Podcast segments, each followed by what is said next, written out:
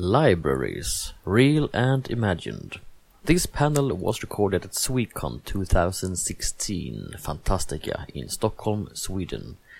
The participants are Maria Turtschaninoff, Caroline Mullan, Marco Soikeli, Simon Lundin, and it was moderated by Jonas Larsson. Swecon-poddar, en poddradio från svenska science fiction och fantasykongresser.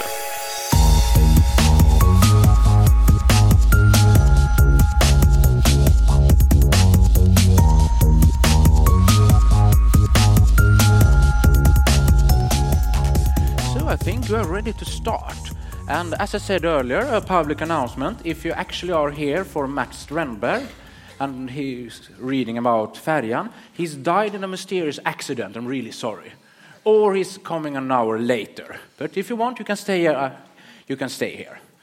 Welcome, everyone. My name is Jonas Larsson. I work as a librarian and an author. And today we're going to talk about fictional libraries with this panel of expertise. Here on your, on your left, we have Maria Turtschaninoff, one of our guests of honors. I have two personal favorites from that list. She's one of them. She has traveled all the way from over the Baltic Sea to be with us here today. She's an author going to, and founder of the podcast Fantastic Pod. On her left, we have Simon Lundin, also known as Socialist Simon, blogger and a library assistant at Malmö City Library. And that is a library that actually resides in a real castle, so he knows what he's talking about. On his left, we have my other personal favorite from the guest of honors, Caroline Mullan, and she hasn't only traveled over Baltic Sea, she has traveled from the other side of the world to be with us, science fiction author from the United States. And over there, we have. That's the wrong one. What? That's the other Caroline. That's the other Caroline. Oh, sorry, I'm really sorry. Then gave me the wrong information. What, where are you from? Um, from, This is called improvisation. I, I'm from the UK. Ah, she's from the empire where the sun never sets. Or nowadays sets like this because they still have some place here or there. Um, and I have been, and I was for 20 years a trustee of the Science Fiction Foundation, Yes. which owns a library of science fiction. But you know what? I think you picked her, the other Caroline spot as my favorite. You seem much cooler.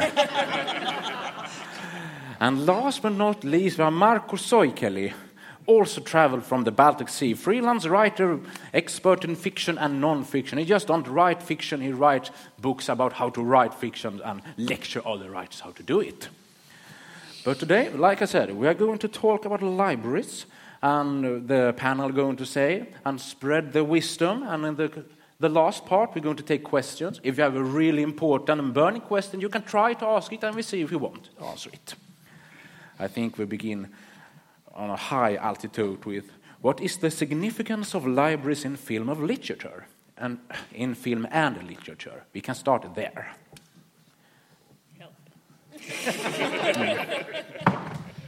I, think they have two significances in film and literature, um, and they are at the opposite ends of the story, because the library is where the story begins. Um, it is where the hero or the adventurer um, is sitting um, or reading or in somewhere in a quiet place with all the books when they discover that it is about to be the end of the world, or that there is a treasure on the other side of the world, um, or there is a peril coming, um, because they are talking in the library or reading a letter in the library, um, or they are looking at the the thing from the box in the library. So the library is the beginning of the story.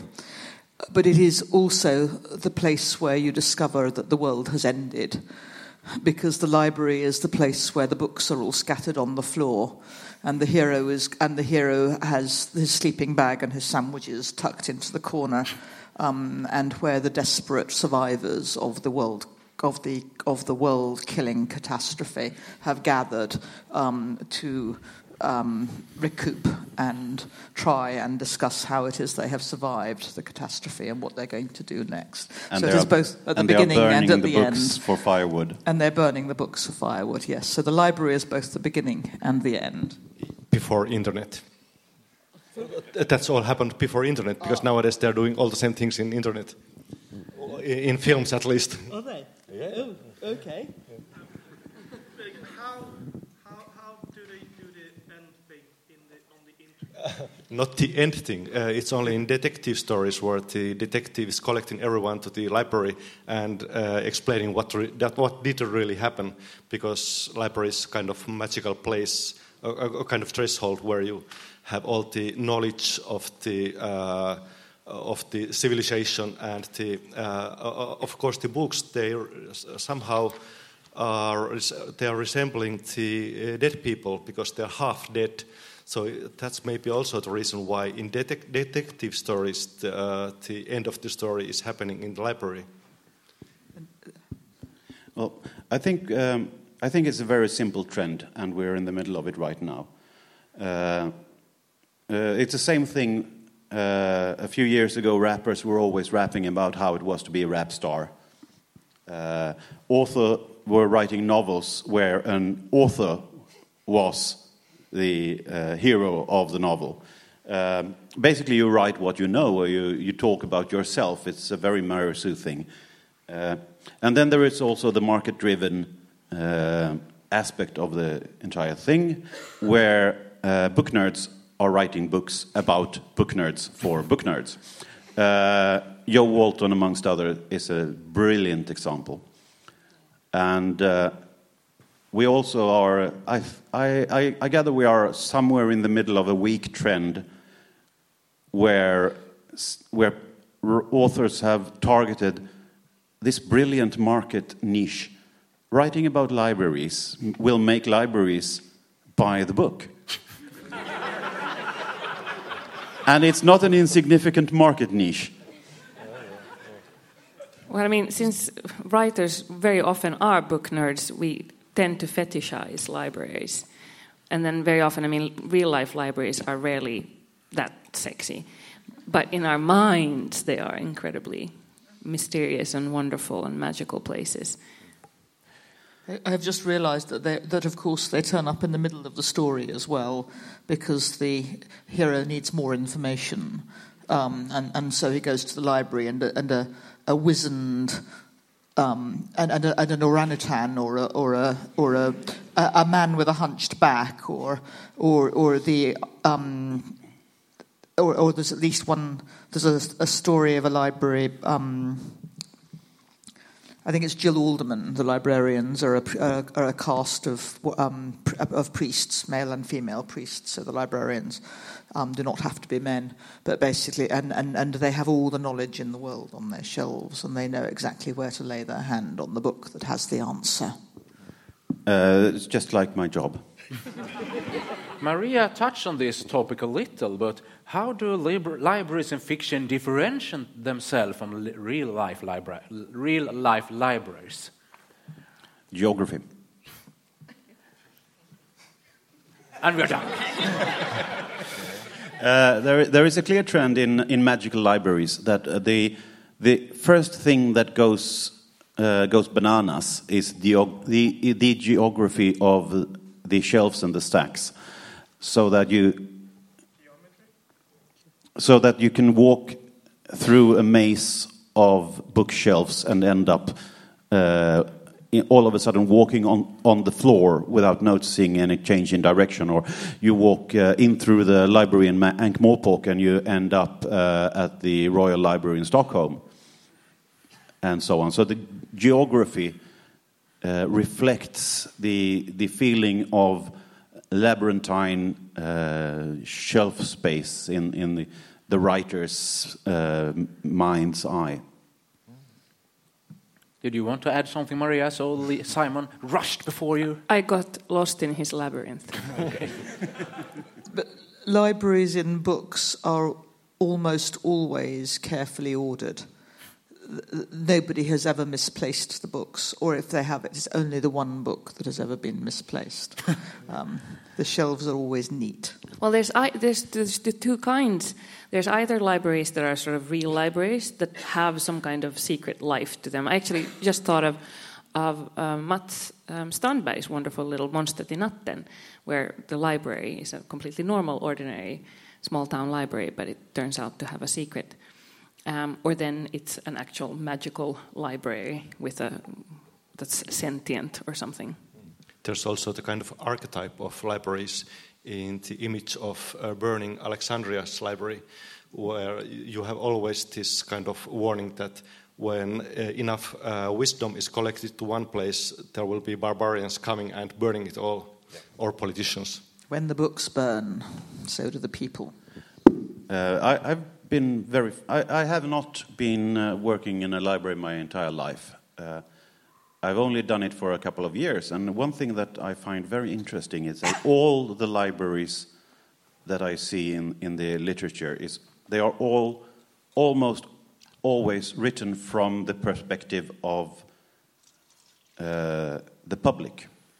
So the, the point of the library is to go somewhere safe, but more often is to go to find that book on that shelf. The, the, the idea of having an infinite shelf space or, and finding the right book. But that is really a, it's a really, really small part of working in a library.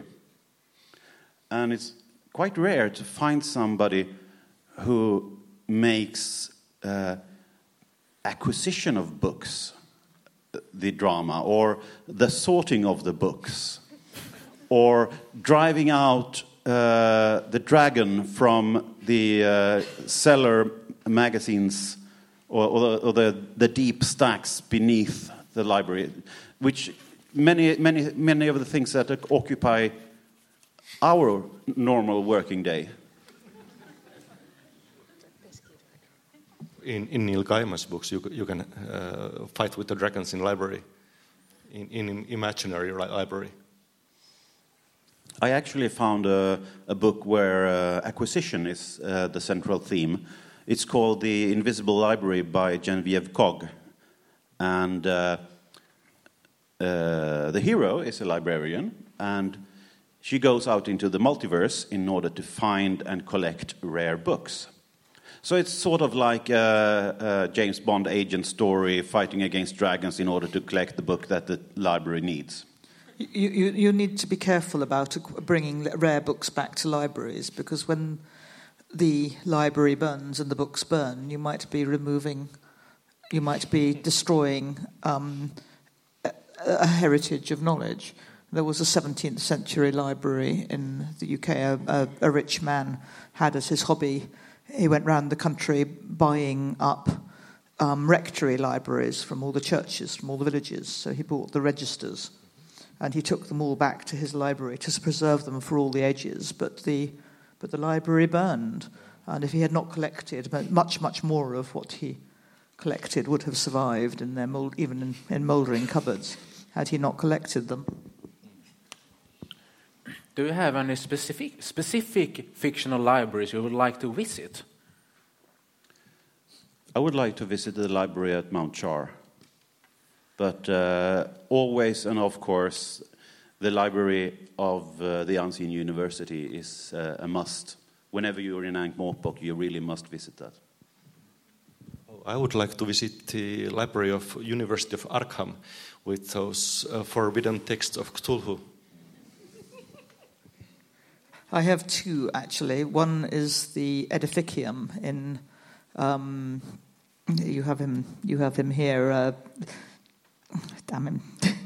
Umberto Eco, thank you very much. In the, in the Name of the Rose, which is the monastic library that, is, that holds the secret, um, and which is um, on many floors and, and, and, and, and, and it would be a, a wonderful place to visit as a, a, a space. It's yeah. kind of the British Library built writ large. Um, but the other one I would like to visit is the library in James Branch Cabell's that crops up in several of James Branch Cabell's books, um, um, which is the library which has all the books that we that were not actually written. in it so that I could read all the books that were not actually written. Uh, death in, I think it's John Scott or something. Anyway, when you die, death forces you to finish that novel.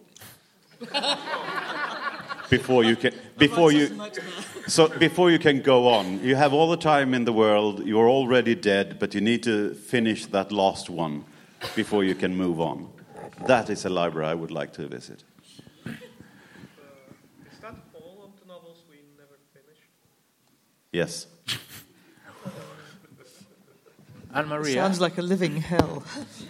your libraries? Oh, I'm suddenly stuck. I, I there's You don't have to say if you don't want to, if, you, if it's a secret library. no, it's not. There's so in a sense there's so many, but I, I can't pick one specifically right now that I feel like that is the one. I'm, I'm thinking so much about um, right before this panel, Christina Hord uh, told me about the the Library of Human Imagination, which is an actual library.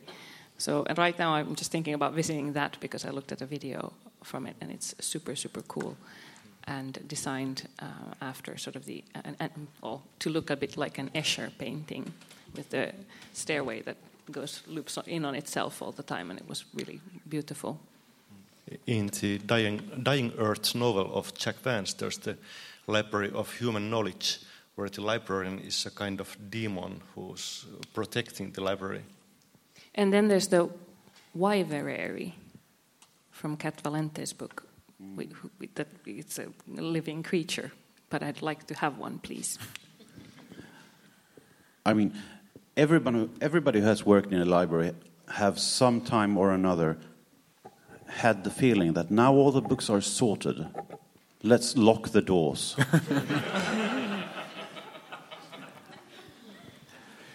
When we're talking nightmare scenarios, we can move into the next topic. We are talking a lot about good libraries, libraries alike, but do you have any example of bad libraries in fiction? What are the worst libraries imaginable?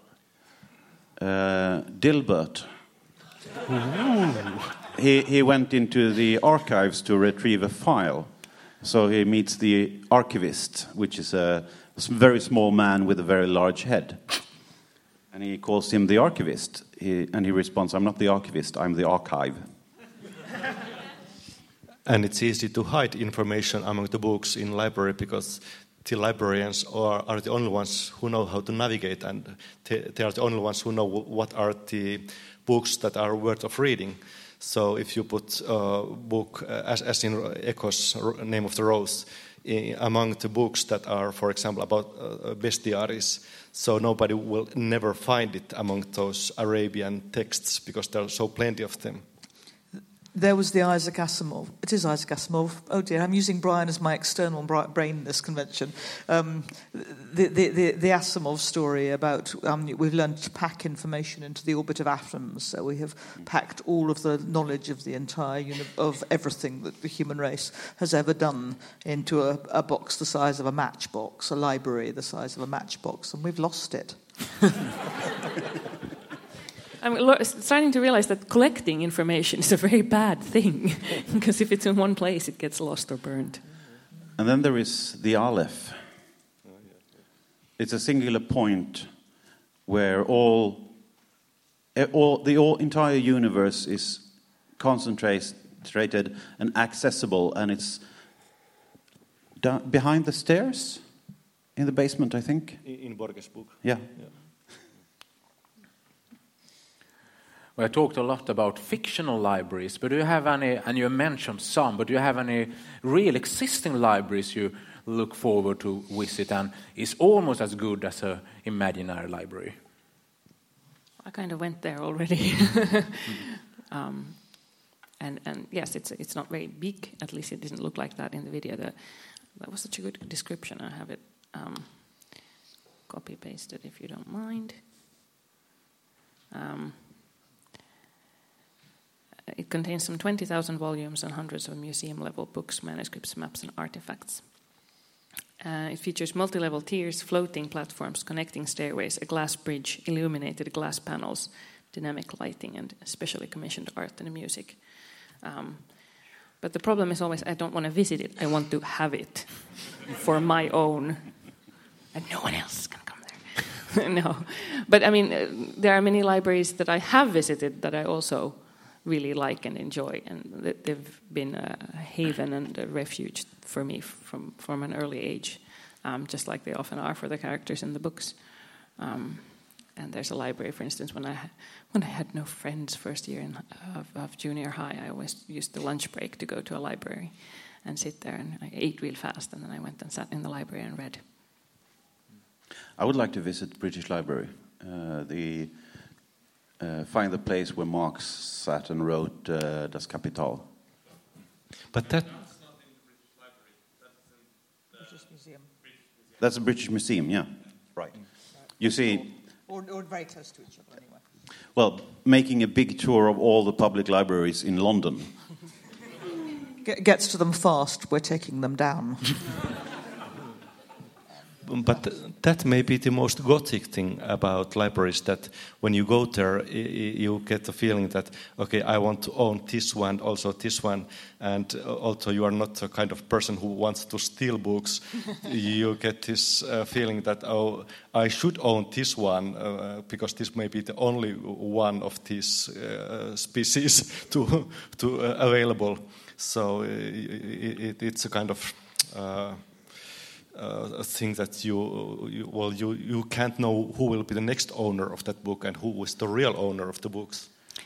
When I was a child, I lived in Belfast, and I made use of libra- of oh, uh, four or five of the branch libraries and the Belfast Central Library, and they all had the books, and they were rooms of varying degrees of character.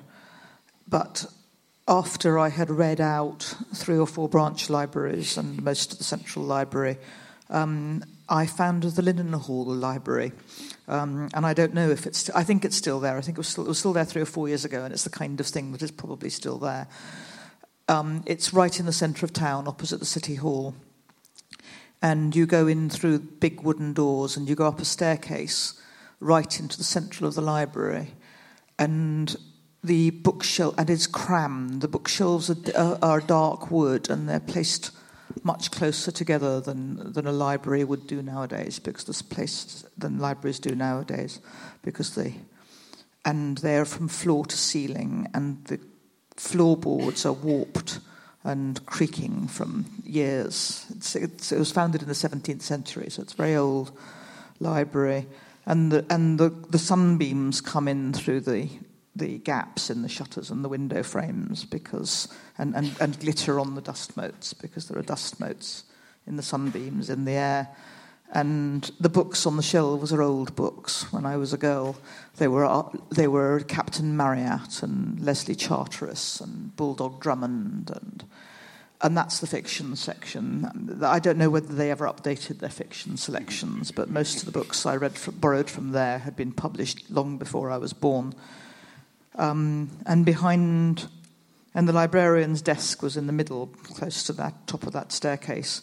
And behind was the non-fiction selection, and the the it was a set of alleyways going so that you went in the end of each alleyway behind the librarian's desk, and there was a gate that you could lock on the end of every alleyway, and you went into this tiny, narrow little alleyway, and all the old and all the old leather-bound um, books still filed, still ordered by before Dewey um, in, in, into their collections. I, I, I, did much less with the non-fiction because um, I was still quite young, and oh, it was a beautiful place. I, I, I really don't. I, I, I seldom get tempted to steal the books, but oh, I want to steal those shelves. those arches. Oh, I need those arches in my apartment. Or hardwood shelf dividers. And have you seen have you seen a real, authentic librarian's ladder? Or, or, or the it's a it's a, it's a quarterstaff with with a satin lining on the inside. It's a hev- it's a seven foot heavy quarterstaff but you can open it up and it becomes a ladder to get the book on the top shelf, and you can fold it up again to defend the book from the marauding public. And the And, and, and in the little alcoves under the stairs where somebody's left a faded cushion with a, a faded cushion that was never very thick or cushiony in the first place and is now lumpy.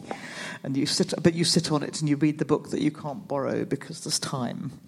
I, I, I also really like um, the, uh, a category of library that isn't very magnificent or awe-inspiring at all, but these little tiny one-room libraries in like course centers that are completely forgotten. No one's been in there except to dust a little bit. Um, there's been no new acquisitions done in the last 30 years at least.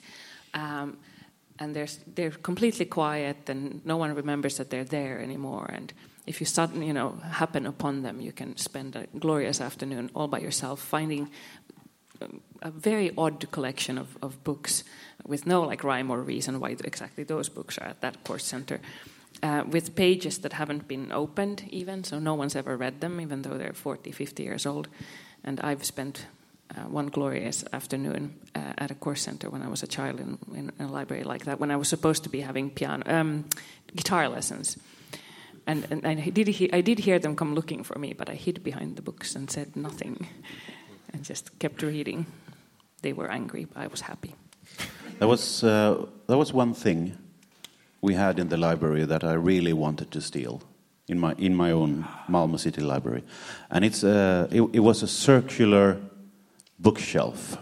So it was about four, four meters in diameter and floor to ceiling circular bookcase.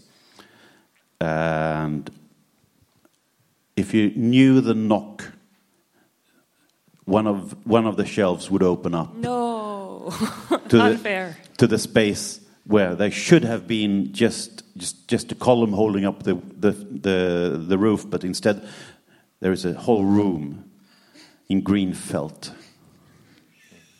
But there's also uh, real tension on day-to-day basis. Uh, how many uh, genre books should you really own uh, in your own private library in, instead of them being in the public library? And, and this is something that we are arguing in, in our family that should I buy this book because it may be also in the public library, but then again, I can uh, argue that uh, in, in next, during the next 10 years, it will be already sold out from the library and it's not available after that. So I have to have that uh, about 4,000 books in my library to ensure that they are available whenever I want to read uh, the book uh, the second time. That, that, that's why the Science Fiction Foundation owns a library. It's collecting the science fiction. It is collecting the science fiction. Um, you can't have probably all of the science fiction in the world in one library, but we do make a. It, it does make a, a serious attempt at um, at having it. And if you have a book that you might want to read again, but the library does not have, then please donate it, um, because that way you do not have to house the book, and you have made sure that there is a copy for the person who wants to read it But in how do, I, how do I get them? Are they available as e-books also? No, no you, you, you have to go to the, Liver- the University of Liverpool um, and write a nice letter to the librarian and say, please, can I come and visit? But they will never turn, away, turn you away because if you want to see, um, if, you, if you wish to read the, the, the books that they have, um, that is what they're there for. But they, uh, they, you can't walk in off the street, but, but they, they, they, you do have to make an appointment. But the book is there for all of, hi- for all of history to read. That's something I've never seen in a, in a book library, in a, in a fictional library. Did you know that one part of being of working in a library is you have to curate the collection. That means you have to choose which books to burn. And uh, if you, if, you, if you don't already have some kind of reading disability, but you live in Sweden, I really recommend getting a reading disability because the Swedish government has been uh, secretly and maliciously recording audiobooks for 50 years. All the good classics are on audiobooks, but they are only available to people with reading disability. It's the same thing in Finland. One last question I think we shall discuss. You talked a lot about what things you want to steal for, from a library to build your own. But if you could build your own fiction library, magical or mundane, how would it look? I can just mention my real quick. If I would have my own fictional library, it would be in a magical frozen lake, and everyone that spoke too loud would fall through the ice to the, eye, through the death. but you can have a nicer library if you want to. I would like wainscoting. Hardwood or, or dark leather wainscoting. It's too hard question what to purge to, get- to get the best books. So maybe the question should be like, uh, what, what what kind of books would you bring to the desert island? For example, ten books or fifty of the best books of your library.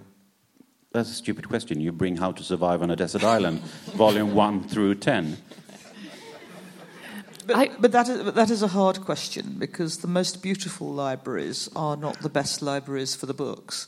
The, the most beautiful libraries are the ones where there is a book, where there are tall bookcases between windows that go from floor to ceiling between the bookcases, and in the middle of the room there are sofas grouped round a, a, a living fire, um, a real, real burning fire, so that you can sit um, by the fire in the sofa with your book. But that is not the best library for the books because the sunlight will destroy them and the smoke will destroy them, and um, and so the library that you want to have to read in is not the library that you will store the books in. I, I'm not so so. I, I- I don't collect books. I'm not. It doesn't have to be rare or or um, valuable books anyway. In any way, so I know exactly what I would want. I want lots and lots of secrets. There has to be secret doors and secret compartments, and you pull a book and something happens, and and and that I will build that library one day. I have a, a, pro, uh, a, a project. Uh, when you pull a certain book in my bookshelf, uh, the lighting goes on. It's not finished yet. That's a good start. Mm. And then well, there has to be a secret room, of course, of Yes. course, behind a bookshelf, mm. where I can sit and read in peace, and no one we could can also find have me. a library of storytellers, so you wouldn't ha- need any books. And, and well, th- maybe you h- had to chain them to the walls. but, but No, again, no, people are nasty. Books are better. I, I like the way you're thinking, but I've never been a fan of audiobooks. It's, it's really, yeah, in, I'm, I'm not talking down about them, it's just not my cup of tea. I, I, I think, practically speaking, I'd like the look. I'd like the library from Delany's "Stars in My Pockets Like Grains of Sand," where the hero is driving across the desert. Is it? And in the back of the truck there is a box, and the box has a very large library in it. And you pull out a, a book the size of a, a dice, and you put it to your head, and you have instantly read the book. Um, and, and, and in his journey, the hero reads the contents of a library. But it's a very old library, and it's from a, a dead civilization. Um, and he finds he's extremely well educated in, in, in uh, literature and, and, um, and history and uh, of, of a civilization that nobody knows or cares about. So he can't talk to anybody about it. So I would like the library, but can I have the people? Please, who have also read the books and talk to them about it, because without the people and the conversation, um, the library is a, a dead thing. I wonder, we are soon running out of time, so I wonder if you have any questions from the audience, over there, for example. Not exactly a question, but uh, what I think, any, thank you. Uh, what any real library ne- needs is a really understanding librarian. When I was a child, it always took weeks to make the librarians understand that when I borrow 14 books, I promise I'll have them back by Friday. You don't have to, to, to worry. So that's very important. Over there. I totally agree. Oh, yes. Uh, question for Maria. Your library, would it have traps? Ooh, I hadn't thought of that, but of course, yes. Yeah. It None, none using traps. fire, of course, but No, no, quite benign traps, but just so, so that I can keep unwanted visitors out. yeah. Spikes so- and dead weights is the way to go. a secret passage, please, so that you can escape. So that you can escape when the barbarians are breaking in. Of course. And also yes. the uh, an Axon uh, fire extinguisher system. Uh, A what? well, we have in my library uh, a system where if there is a fire, all doors lock. and immediately the entire space is flooded with inert gas that puts out the fire and anything living inside. Yes, that sounds practical. Uh, But it's this, this, is, this is not in the public part of the library. I- It's in the stacks where we have the rare and valuable books. So, And I'm not allowed a key. so, so you should really heed the no smoking signs. Are there breathing apparatus in there? As I said, I am not allowed a key. I don't know, but I can see the Axon warning label on the front. Do we have any final questions? Yes, over there. Uh, where are libraries going in science fiction? Uh, can there be libraries in the future? How are they struggling? And we, you've talked a lot about physical books and so on, and I, I, I love those images, and you can see it still existing in fantasy and magic. And but what about science fiction? Can we even have libraries in science fiction in the years to, come? The image of the library is it in crisis or is it uh, live and kicking? Uh, well, science fiction has it all wrong. Because science fiction thinks uh, that we will, as you said, upload the experience of having read the book, but that is not why we read books. We, we read books because we like reading them, not having read them. Oh, I don't. And, Both. well, oh, okay, James Both. Joyce. um, and also, uh, they think books and libraries are intangible, soulless collections of information, just like the Swedish government seems to think. Uh, a school library without a li- school librarian is not a library, it's a pile of books. And no matter what format, a library without a librarian is not a library, it's just unformatted uh, digits. I, I think there's a distinction between science fiction's done quite a lot with libraries, one way or another, in- including losing them and and and devoting. Um, and, and devoting uh, whole civilizations to making new ones and so on. But when you look at what the real world is doing with libraries, I think on the one hand, you've got that guy over in the States who's creating a library by chiseling books into stone um, in order to keep the text because nobody's been able to, f- because he doesn't trust digital storage. And when you actually look at the way digital storage works, libraries are atomizing because there are the, the public libraries are still cataloguing um, national collections and categorizing them as by, by the Dewey Decimal and, and other systems. So you still have access to libraries on the internet, but the essence of a library, you, you said, it, it, is that it's curated. You don't get all the books in the world. It feels to a, a, a child as if it's all the books in the world, but it's not all the books in the world. It's the current selection to the librarian's value And to, um, to, the, to the librarian's criteria. And that, I think, is a bit more problematic because I think you should be very careful with which books, which libraries you have access to. Um, because it's quite easy on the internet to build a wall and say, it, it always was easy to build a wall and say we will only have you only have access to what is within this wall. And uh, I, I think there is a trend, or, or, or rather, I think that we will come to some kind of compromise that will probably look like one of the books in my library. We have a book that looks just like a book with a, backbone with the title and the author, and you take it out of the shelf, and there is a, a front page and a back page, and you can read about the book, and when you open it up, there is a computer chip. I think that the tactile physicality of the uh, actual book and the room with the librarian in it is something that we will not lose for I wouldn't say never, but for uh, uh, the overseeable couple of hundred years. However, the format on the page, if you, the font, if you like, can be ink, it can be uh, laser printed, it can be computer chips, it can be a barcode that you just scan with your, uh, your telephone and you get the link to borrow the book. Uh, but the library as a physical place with uh, an intensely knowledgeable librarian, that will never go out of style. And I think we have to end on that note because we have run out of time actually. And I have to, I want you to give a big applause to our panel of expertise.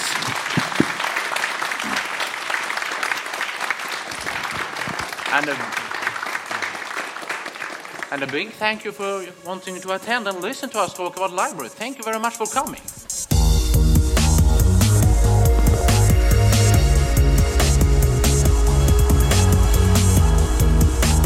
Musiken av Psychedelic Pedestrian från Free Music Archive.